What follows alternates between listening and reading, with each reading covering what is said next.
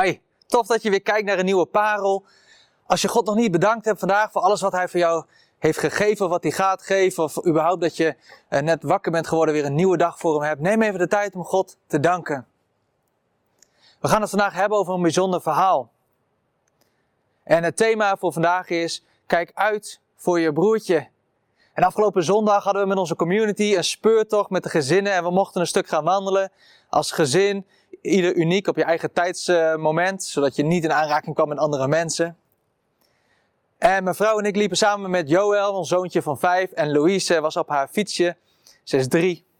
En Louise met die beentjes zo ontzettend snel met die trappetjes, je weet hoe dat gaat, die wiebelde nog een beetje. En we moesten van tijd tot tijd tegen Joël zeggen, kijk uit voor je zusje. En dan stapte die even zo opzij. En dan kon Louise er zo langs. En dan was het weer goed. En dan stond ze weer stil, moest even wat vertellen. En dan nog een keer, kijk uit voor je zusje. En hij keek uit. We gaan het hebben over het verhaal van Amram en Jochebed. Twee hele normale mensen.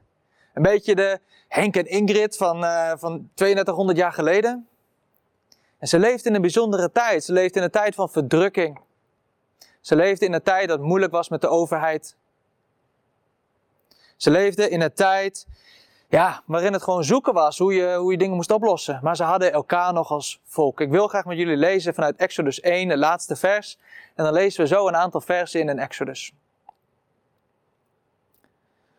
Toen gebood de farao heel zijn volk. Al de zonen die geboren worden, moet u in de Nijl werpen. Maar al de dochters mag u in leven laten.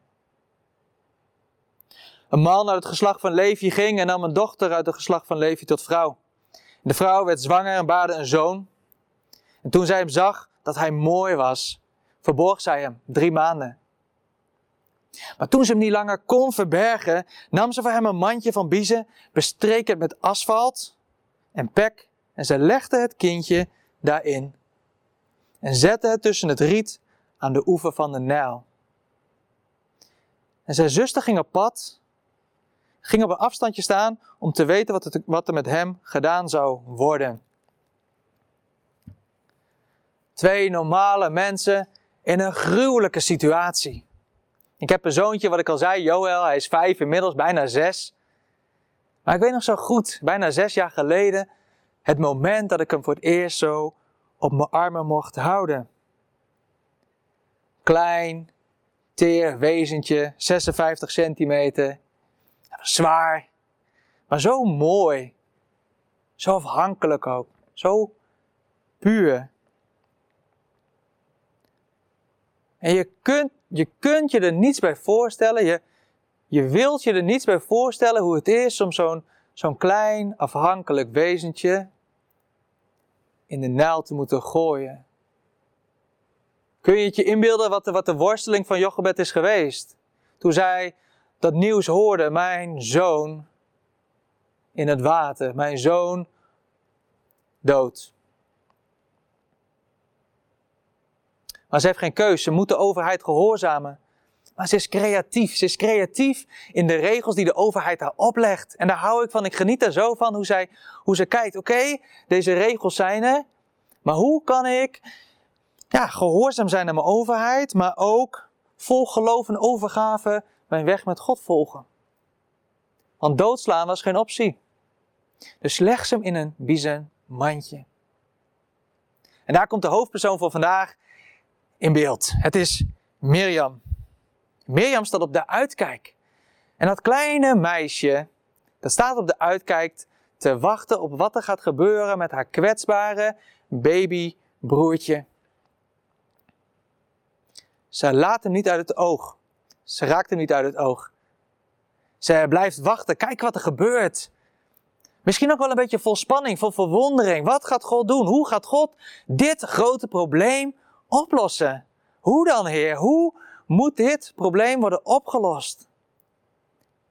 En dan is daar een moment. Die prinses die, die komt daar waden in de Nijl. Jullie kennen het verhaal. En wat mij zo opviel aan Mirjam is dat zij, hoe klein ze ook geweest moet zijn, dapper was op het juiste moment. Op dat moment dat het zo nodig was, besloot zij uit te stappen in geloof. En ze, ze kwam niet direct met veroordeling, ze kwam ook niet met, met grote, grote woorden. Nee, ze kwam in haar ja, ontvankelijkheid als kind. En ze zei, hé, hey, ik, heb, ik heb hier een oplossing voor. Ik weet misschien een goede oplossing, mag ik een voorstel doen? En die prinses zegt, ja, kom maar met een voorstel. En ik kan me zo voor, voorstellen dat dat met een glimlach gebeurt, omdat ze waarschijnlijk al wel echt wel door had hoe de vork in de steel zat. Maar ze mag een voedster uit de Hebreeuwse vrouwen roepen, natuurlijk haar eigen moeder. Die gaat voor hem, die gaat voor Mozes zorgen, de eerste jaren van zijn leven. Ze is een klein radetje in een groot plan dat God heeft met het volk Israël. Daar op dat moment, dat kleine meisje, die redt Mozes. Mozes mag uiteindelijk voorgaan om het volk ja, te redden. Er komt verlossing. En maandag, een week geleden, ontmoette ik twee Mirjams. En eentje heet ook echt Mirjam, de ander niet, maar die is een type Mirjam. Het is een bijzonder verhaal, een krachtig getuigenis van twee jonge dames. En ik wil ze heel graag met jullie delen. Gewoon om te delen in de vreugde die ik mocht ervaren. Het was vorige week maandag, het was de eerste werkdag na de vakantie. De kinderen waren thuis. Uh, je weet hoe dat gaat met corona. De kinderen zijn thuis, mogen niet naar school. Ik moest gewoon wel weer aan het werk. Uh, en het was de eerste werkdag na de vakantie, dus er was veel te doen. Gelukkig maar. Maar ik was ook best wel moe op het einde van de dag. En om kwart voor acht besloot ik om naar bed te gaan. Even boek te lezen, maar mijn ogen waren zwaar geworden. En om kwart voor acht dacht ik, ik ga slapen. Ik had nog even mijn telefoon uit te laden. Ik lag in de woonkamer. Ik had mijn telefoon op en ik had een Instagram berichtje van Mirjam. En Mirjam die stuurde, hey Jaap, uh, weet je nog dat jij me had gevraagd of we jou financieel konden ondersteunen? Ik ben afhankelijk in mijn werk van giften, dus ik had een aantal mensen benaderd of ze mijn werk structureel wilden ondersteunen. Mirjam stuurde, nou, ik zei toen dat wij niet op dit moment de financiën hadden om jou te ondersteunen. Maar ik zei ook dat ik ging bidden voor een oplossing. Ik ging bidden voor een plaatsvervanger. Iemand die onze plaats kon innemen en jou misschien kon geven wat je nodig hebt. En raad eens, ik heb die persoon gevonden. Ik heb de persoon gevonden die onze plaats kan innemen. En ze is nu live op Instagram. En als je op deze link klikt, dan kom je erin. En ik weet zeker dat zij jou gaat geven wat je nodig hebt. Juist. Ik was niet direct heel enthousiast. Ja, wel vanwege dit bericht en ik vond het leuk en ik dacht, wauw, bijzonder hoe God dan werkt. En hoe weet je dan dat dit de juiste persoon is? Ik had veel vragen. Maar ja, ik dacht, ik kan twee dingen doen. Ik kan uh, gaan slapen, uh, gewoon zoals ik van plan was. En dan zie ik wel, en als het echt Gods manier was, dan komt hij heus wel met een oplossing. Of de tweede, wat nieuwsgierige ding is, je kan ook even kijken bij de video. Kijken kan geen kwaad. Er waren veel meer mensen aan het kijken, had ik al gezien. Een man of 20, 30, misschien wel meer. Ik weet niet precies hoe zoiets werkt. Maar er zaten veel meer mensen te kijken naar die video. Dus ik dacht, als ik nou even ga kijken, dan kan ik even de kat uit de boom kijken en zelf bepalen of het van de Heer is of niet. Maar ja, ik ben dus niet zo goed met social media. Ik ben ook niet zo handig met technische dingen in het algemeen. Uh, dus ik klikte erop op de link die zij mij gestuurd had. En het was niet zo dat ik zat te kijken naar de video, maar ineens zat ik in de live video. In het donker, op mijn slaapkamer, in mijn pyjama. Want ik wou al gaan slapen. En ik zag het dus helemaal, ik zag zwart beeld onderin het scherm. En een meisje begint te praten. Hey, hello, are you there? En ik dacht, oh nee hè, ook nog Engels. Ik weet het niet. Maar gelukkig, dit is niet voor mij. Ze zit gewoon een live video op te nemen. En zei ze, hello Jaap, are you there? En ik dacht, nee, ik ben op dit moment in beeld. Ik moet gaan praten in het Engels. Wat moet ik hiermee? Ik weet helemaal niet wie jij bent. Waarom zou ik met jou praten? Nou ja. Zij begon mij vragen te stellen. Ze begon mij heel snel vragen te stellen. En ik had al heel snel door ook dat zij christen was.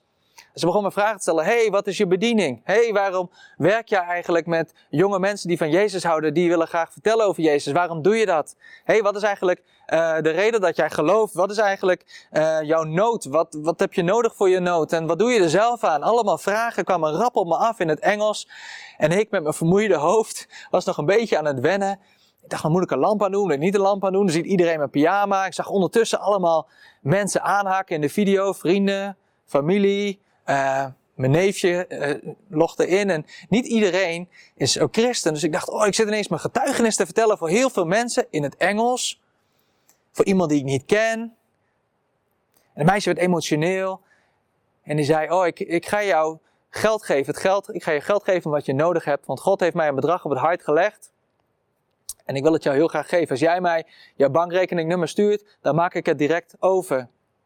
En we sloten het gesprek af. Ze bad voor mij, eh, terwijl alle mensen aan het kijken waren. En we sloten af.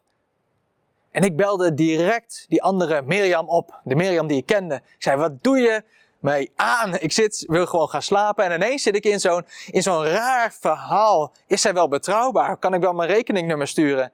En ze zei, ja, ik ken haar wel wat. Ze is een vriendin van een nichtje, nou, enzovoort. En ik legde contact met haar, met een andere meisje. En ik zei, hey, uh, this, was, awesome, thank you so much. En ze zei, hey, ik ben gewoon Nederlands, je kan gewoon Nederlands praten. En ik dacht, waarvoor hebben we dan de hele tijd Engels gesproken? Maar ze had allemaal internationale vrienden. En later gaan we er nog wat meer over vertellen op een ander moment, hoop ik. Wat uitgebreider, hopelijk ook met haar. Eh, eh, hoop ik haar aan jullie voor te kunnen stellen. Want toen wij in gesprek waren, kwam ik erachter dat zij een zus is in onze gemeente. Ze is een jonge zus in onze gemeente die vol geloof, maar gewoon deed wat God van haar vroeg. En God had haar een maand geleden, ongeveer rond de tijd dat ik begon te bidden voor financiële hulp om een huis te zoeken, eh, begon zij eh, van God te horen dat ze een bepaald bedrag moest gaan geven. En God zou haar duidelijk maken aan wie. Op een bepaald tijdstip zou ze live moeten op social media. Ik weet niet precies hoe het zat. Maar ik was daar ineens en ze gaf het geld en het was mooi. Die ontmoeting met haar was nog veel mooier. Want ik was onder de indruk van haar hart om Jezus radicaal na te volgen en het mocht haar veel kosten. Was onder de indruk van haar kracht, was onder de indruk van haar kwetsbaarheid, deze jonge Mirjam. Ze stond op de uitkijk om daar te zijn voor een kwetsbare broer die hulp nodig had. En zij besloot die hulp te zijn. En ik was ook onder de indruk van die andere Mirjam, die ja, zich uitstrekte naar mij, die wel wilde, maar niet kon, maar toch die verbindingspersoon wilde zijn op dat moment, zoals Mirjam ook uit ons Bijbelverhaal. Ze stond op de uitkijk en op het moment dat het daar was, was ze daadkrachtig. Ze stond op en ze deed wat ze moest doen. En ik geniet daarvan. En dat is ook voor ons, voor vandaag, voor deze week. We hebben kwetsbare broers en zussen, misschien om ons heen. Misschien in onze familie, misschien in onze community. Misschien op ons werk, dat er niet eens broers en zussen in geloof zijn, maar wel mensen die kwetsbaar zijn en die hulp nodig hebben. En wij mogen op de uitkijk staan. Wij mogen klaarstaan om te kijken hoe kan ik jou helpen. En ik wil jullie bedanken, lieve Mirjams. De ene die ook echt Mirjam heet, de andere niet. Maar jullie zijn waardevol voor mij geweest. Jullie getuigenis is krachtig. Jullie bereidheid om Jezus na te volgen is inspirerend het is een voorrecht dat wij met zulke mooie broers en zussen in deze gemeente omringd zijn. Het is een voorrecht dat wij als gemeente zo fantastisch verlangen hebben om Jezus na te volgen. Dat geldt voor jou ook als jij zit te kijken. Jij bent zo'n mooie broer en zus. En van zoveel van jullie weet ik ook dat ze op de uitkijk staan om te helpen. Dank jullie wel, lieve Mirjam, dat je live wilde gaan op Insta. Gewoon dapper je getuigenis gaf om geld weg te geven, terwijl het merendeel van de mensen die jou kent helemaal geen christen is. En dat je geld wilde geven, terwijl het helemaal geen vanzelfsprekendheid is, ook niet voor jou. En zeker niet voor de mensen die zaten te kijken. Je bent een krachtig getuigenis geweest voor mij. Je bent een krachtig getuigenis geweest voor alle mensen die op dit moment deze paar hebben gekeken. En ik hoop en bid dat jullie geïnspireerd zijn geweest door, deze, door dit verhaal.